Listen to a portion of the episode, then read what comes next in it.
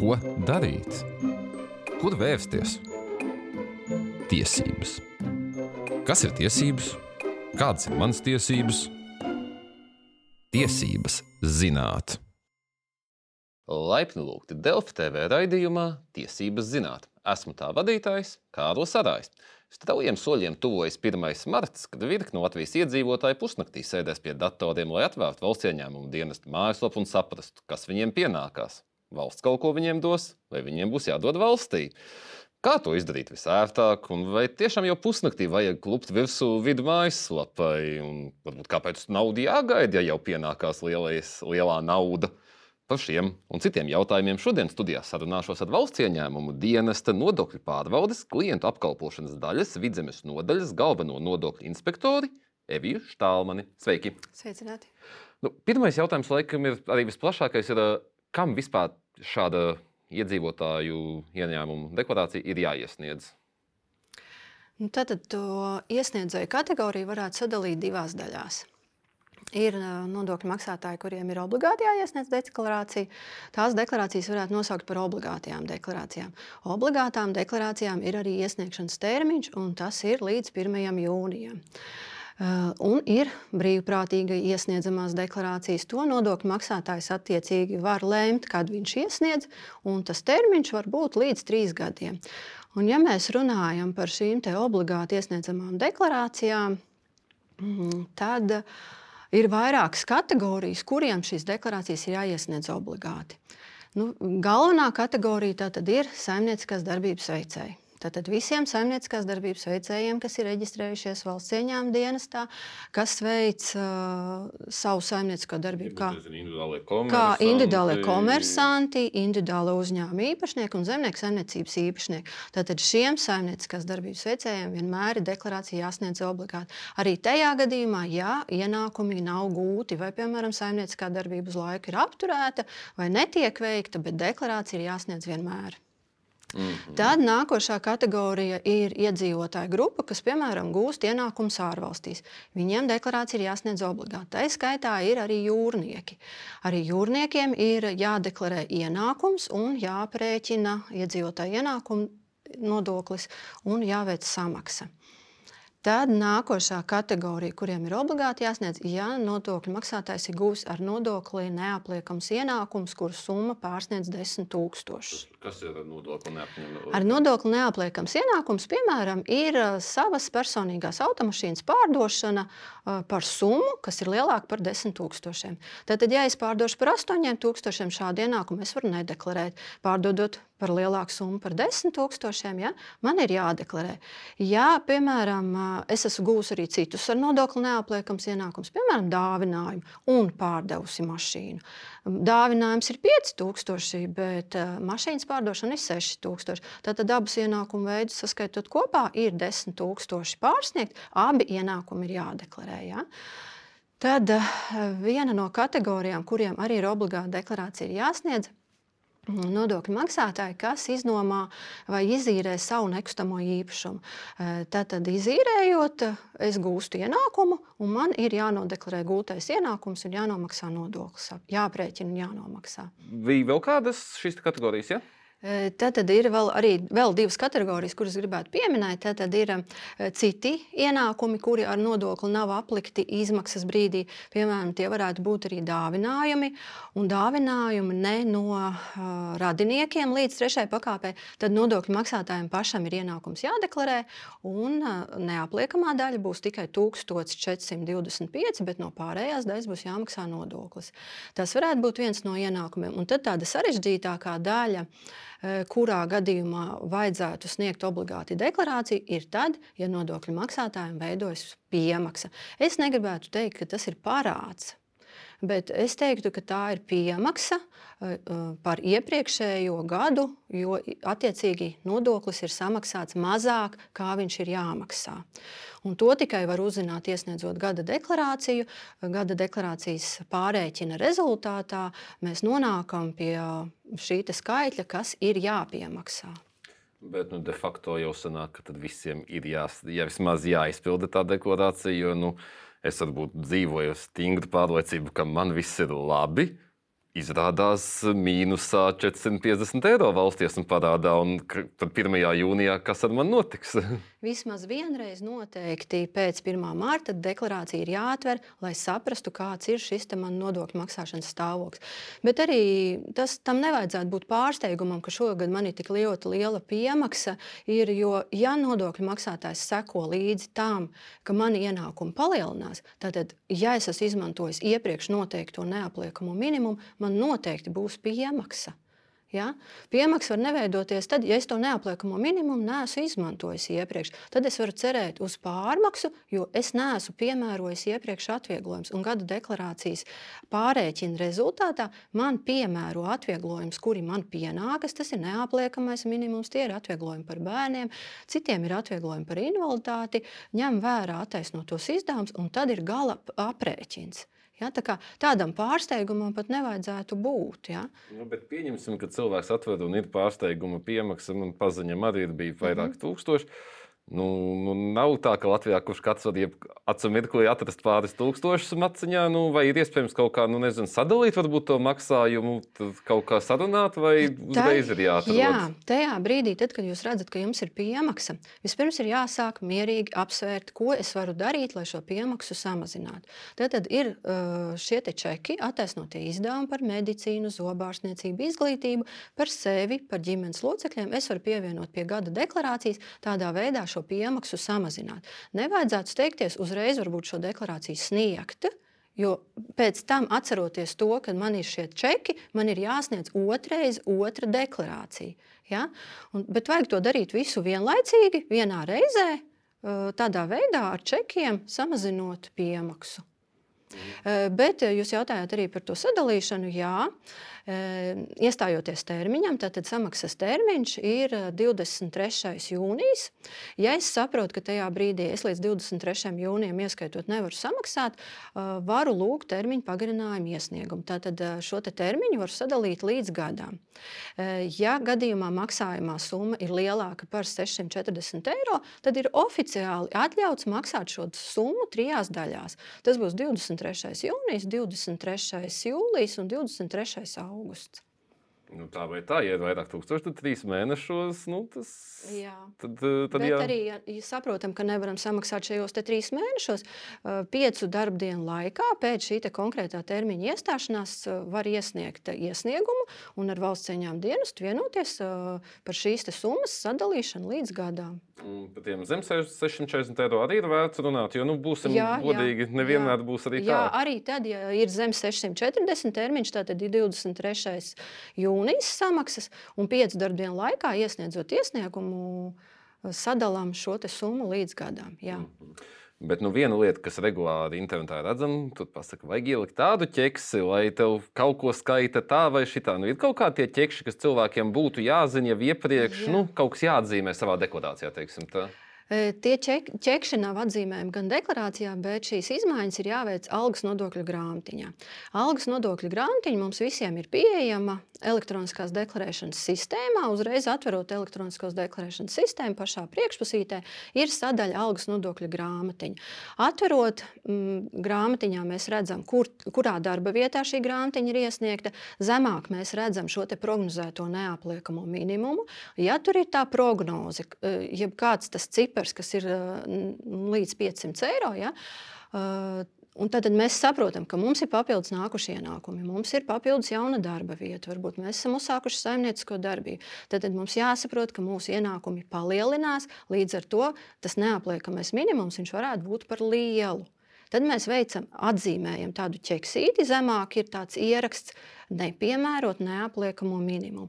Atzīmējot šo sadaļu, grāmatvedis darba vietā saņem informāciju. Tad, šim nodokļu maksātājam nā, pie nākamās algas mēs nepiemērosim neapliekamo minimumu. Ja? Un tādā veidā mēs uh, veicam izvēli pie algas nepiemērot neapliekamo minimumu. Faktiski tas manā algas izmaksā arī kaut ko maina. Maina tad 20% no tā konkrētā neapliekamā minimuma prognozētā, kas ir ierakstīts algas nodokļu grāmatiņā. Bet tas katrā ziņā dod to drošības sajūtu, ka pēc gada veicot pārreķinu gada deklarācijā, nodokļu parāds var neveidoties. Mm. Jūs jau pieskārāties attaisnotiem izdevumiem, bija ārsti, zobārsti, mācības. Viens jautājums, vai man pašam visi šie čeki jāsniedz, vai viņi daļa automātiski, visi automātiski parādās vidas sistēmā? Ir kvītis, elektroniskās kvītis, kas var parādīties, bet tas ir atkarīgs no šī pakalpojuma sniedzēja. Tātad, ja viņš ir paprasījis atļauju, viņ, un jūs piekrītat, ka šī kvītis tiek nodota automātiski valsts ieņēmuma dienestam, viņa tur var parādīties. Bet arī tāpat tās, tas nenozīmē, ka mēs kvīti neņemam uz rokas. Mēs paņemam kvīti un iesniedzot gada deklarāciju, pārliecinamies tomēr, ka tā kvītis tur ir. Ja viņa tur ir, otrais mēs viņu nesniedzam. Ja tā kvīts elektroniskā nav, protams, mēs viņu paši arī iesniegsim. Ja? Bet uh, par izglītību, interešu izglītības pulciņi ir pašiem jāsniedz, jo izdodot kvīti, skolotāji šo kvīti elektroniski nesūta uz valsts ieņēmuma dienas, tāpat arī maksājuma uzdevumi ir jāiesniedz pašam, un, un, un kases čeki arī ir jāsniedz pašam. Un jūs arī minējāt, ka var pat citiem cilvēkiem, radiniekiem iesniegt. Pastāstiet, bišķi vairāk, tas ir kā es varu par savu mammu, brāli, sievu vai arī par sievas otrās pakāpes brālēnu. Jā, tad, tad attaisnotos izdevumus savā deklarācijā var iekļaut arī par ģimenes locekļiem. Ģimenes locekļi mm, šīs normas izpratnē būs vecvecāki, mazbērni, vecāki, bērni un laulātais nevarēs ne par brāļa, ne par māsas, bet par brāļiem un māsām ir maza atkāpīte. Par brāļiem un māsām nepilngadīgiem drīkst iesniegt attaisnotos izdevumus, ja ir darba nespējīgi vecāki. Ja brālis un māsa turpina mācīties arī pēc 18 gadiem līdz 24 gadiem, tad varam iesniegt arī šos čekus. Tāpat tās varam iesniegt čekus par brāli un māsu, kuram ir piešķirta invaliditātes grupa pirmā vai otrā. Ja? Tāpat tās par aizbildnībā esošiem bērniem aizgādībā var iesniegt arī par apgādībā esošā apgādājumiem. Tas ir piemēram, ja sieva man ir apgādībā, bet sievai ir bērns no pirmās laulības, tad par šo bērnu izdevumiem vai interešu izglītības vai medicīniskiem izdevumiem arī varēs iesniegt sievas vīrs. Vēl viens tāds populārs latviešu jau pateikt, tradīcija ir tā teiksim, žargonā uzkārt vidas serverus pusnaktī, 1. martā. Nu, vai tas kaut ko maina? Teiksim, cilvēks, ja, ja viņam ir bijis pārmaksa, ātrāk saņems naudu, ja viņš iesniegs uzreiz, vai arī tur tomēr ir kaut kā tas nemaina. Atmaksas um, ātrums nav atkarīgs no tā, kad jūs iesniedzat deklarāciju. Nu, Tas ir atkarīgs no pārbaudāmās informācijas apjoma, sarežģītības un tā tālāk. Ja. Protams, ka ja tā deklarācija ir pietiekami vienkārša, nu, minēšana varbūt nav bez, bez čekiem, un varbūt viena darba vieta. Nu, nekā daudz tur nav ko pārbaudīt. Viss ir kārtībā. Cilvēks ir strādājis pilnu gadu, grāmatiņa ir iesniegta, atvieglojumi piemēroti. Nu, salīdzinoši vienkārši. Var gadīties, jā, ka šī gadījumā ir ātrāk, bet tas nebūs kritērijs vai nebūs rādītājs, ka tas būs tiešām ātrāk. Varbūt mēs šo cilvēku atsevišķi pārbaudīsim, ko viņš varbūt vēl nav nodeklarējis. Ja? Un tas paņems attiecīgi papildus laiku. Tā kā, m, Gribētu teikt, ka lielākā daļa šī naktī iesniegtās deklarācijas, viņas gala rezultātā izrādās kļūdainas. Ja, jo pēc tam izrādās, ka kaut kas nav papildus nodeklarēts, kaut kas ir aizmirsts nodeklarēta. Tāpat tās jāņem vērā, ja man ir saimnieciskā darbība, tad tajā pusnaktī man arī tie saimnieciskās darbības rādītāji ir jāpievieno. Nepietiks, ka es iesniegšu deklarāciju, nodeklarējot šo pārmaksu un par visu aizmirstot un gaidot šo pārmaksu. Ja ir saimnieciskā darbība, tad tajā pusnaktī ir jāsēž un jādarbojas un jāliek viss klāt. Ir. Bet arī man personīgā dzīvē ir bijis tā, ka es paskatos, teiksim, otrā martā man ir. Viens cipars. Es absolūti neko citu nedaru, neko neesmu iesniedzis klāt. Un mm -hmm. 15. un 17. martā man tā pārmaksa pieauga par 80 eiro, ja toreiz nemaldos. Mm -hmm. nu, tas ir, kā tas varētu būt skaidrojums. Un es zinu, ka man kolēģiem ir bijis ļoti līdzīgi piedzīvojumi. Tas var būt arī skaidrojums ar to, ka šo darbu, dažu dienu laikā darba devējs ir veicis jūsu mm, ienākumu deklarēšanā kādas izmaiņas. Jo no kā sastāv deklarācija? Deklarācijā tātad saplūst uh, informācija no jūsu ienākumu izmaksātājiem. Un tie cipari, jūsu ienākumu lielums, var mainīties tikai tad, ja jūsu darba devējs ir attiecīgi par šo laiku uh, atklājis kādu kļūdu, ko viņš nav nodeklarējis, ko viņš nepareizi varbūt noziņojis. Un mainot informāciju, mainās arī visi aprēķini. Ja? Jo var gadīties arī tā, ka jūs jau pārmaksu arī saņemat, bet uh, kāds no darba devējiem informāciju papildus iesniedz novēloti vēlāk. Līdz ar to jums aprēķins arī mainās. Ja? Var būt tāda situācija, jā. Jūs jau minējāt arī kļūdas, kas ir pieļautas. Varbūt ieskatiet tiešām vēl kādas tās biežākās kļūdas, ko cilvēki pieļauj. Jūs jau minējāt, nu, saimniecisko darbību, tur uh, neiesniedz deklarāciju par to. Kādas vēl tās populārākās, pēc kurām tad zvana uz uh, vidu atbalsta audu un uh, sūkstās?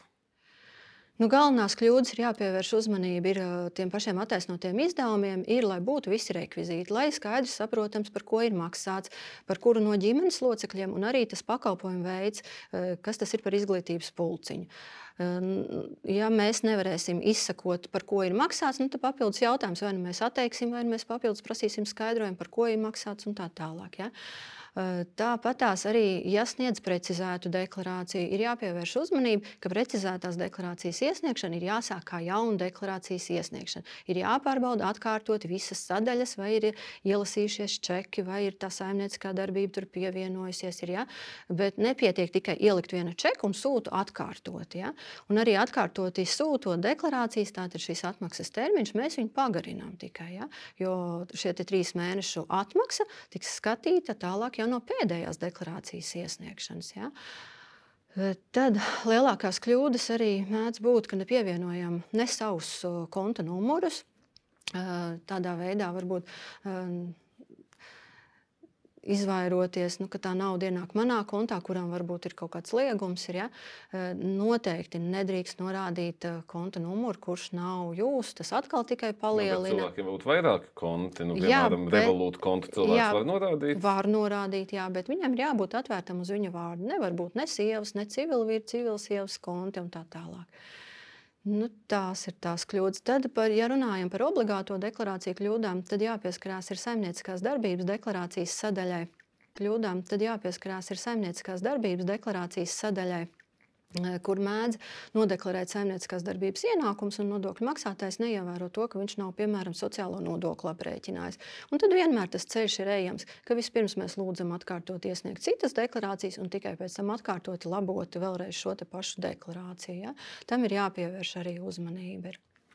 Uh, nu, par tiem attaisnotiem izdevumiem vēl gribēju. Tur ir kāds limits. Nu, piemēram, Zobārsts var ļoti ātri, 3000 gada griezumā, ļoti ātri čekos savākt. Jā, un arī zobārstniecības izdevumi ir lieli un, un mācību izdevumi ir lieli. Jā.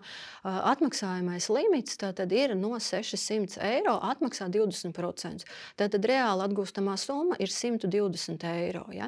Bieži vien arī pārprot un gaida atpakaļ šos 600 eiro, bet 600 eiro nenāk atpakaļ. Tas uh, objekts, no, no kā nāk atpakaļ, ir šie 600. 20% nāk atpakaļ, un reāli saņemamā summa ir 120. Tad, bet es tos 4000 viņus nākamgad kaut kā var pārnest. Nu? Atlikusī summa jā, pārnesās uz nākošajiem gadiem.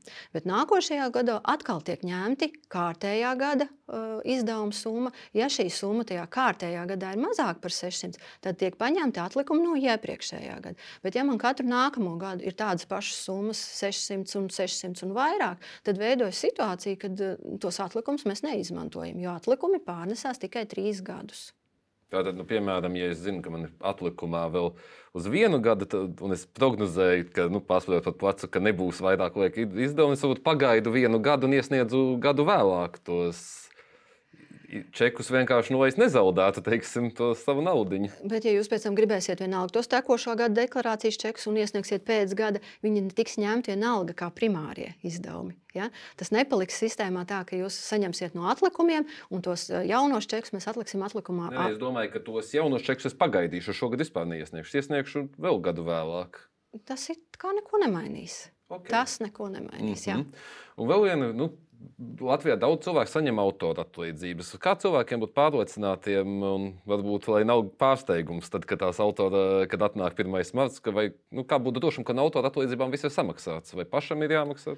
Par autora atlīdzībām būs cits stāsts, jo autora atlīdzības saņēmējiem tātad mm, ienākumi tiek aplikti izmaksas brīdī, vai arī autora atlīdzības saņēmējs reģistrē saimniecisko darbību. Ja viņš reģistrē saimnieciskās darbības ienākumus, tad viņš deklarē tāpat tās iesniedzot gada deklarācijā, kā obligāto nodeklarē, ko viņš ir saņēmis un aprēķina nodokli. Savukārt, ja viņš ir gājis to ceļu, kad autora atlīdzības tiek ieturēts nodoklis izmaksas vietā, tur uh, ir cita autora atlīdzības gada deklarācija. À, tad, vispār, tad šīs nebūs. Jā. Skaidrs. Jā. Nu, vēl viena lieta, nu, kas ir diemžēl populāra, ir krāpnieki. Vai vidi sūtīs īsiņas ar aicinājumu uzklušķiniet uz šī linka? Aizpildiet deklarāciju ātri, nesāpīgi. Jā, jābūt ar krāpniekiem ir ļoti uzmanīgiem. Ieņēmuma dienests um, nesūtīs um, īsiņas, nesūtīs nekādas ziņas, ne WhatsApp, ne, un, un katrā ziņā nesūtīs nekāda veida linkus. Un, uh, kuru atverot, tad tiks kā, solīta kaut kāda atmaksa. Nē, ja jūs deklarāciju tātad esat sniedzis elektroniski, tad arī visu informāciju par atmaksu jums ir jāiet elektroniskā deklarēšanas sistēmā pie saraksts ar vidi. Jūs varēsiet redzēt gan lēmumu par atmaksu, gan informāciju, ka nauda pārskaitīta uz kontu. Ja kaut kas deklarācijā nepieciešams precizēt vai labot, tad būs vēstule tieši elektroniskās deklarēšanas sistēmā. Ja? Bet, ja tomēr nav pārliecība par to, vai tas ir krāpniecība, rīcība vai valsts ieņēmuma dienas tiešām vēstule sūtīta, vienmēr var zvanīt uz konsultatīvo tālruni un pajautāt. Un tāpat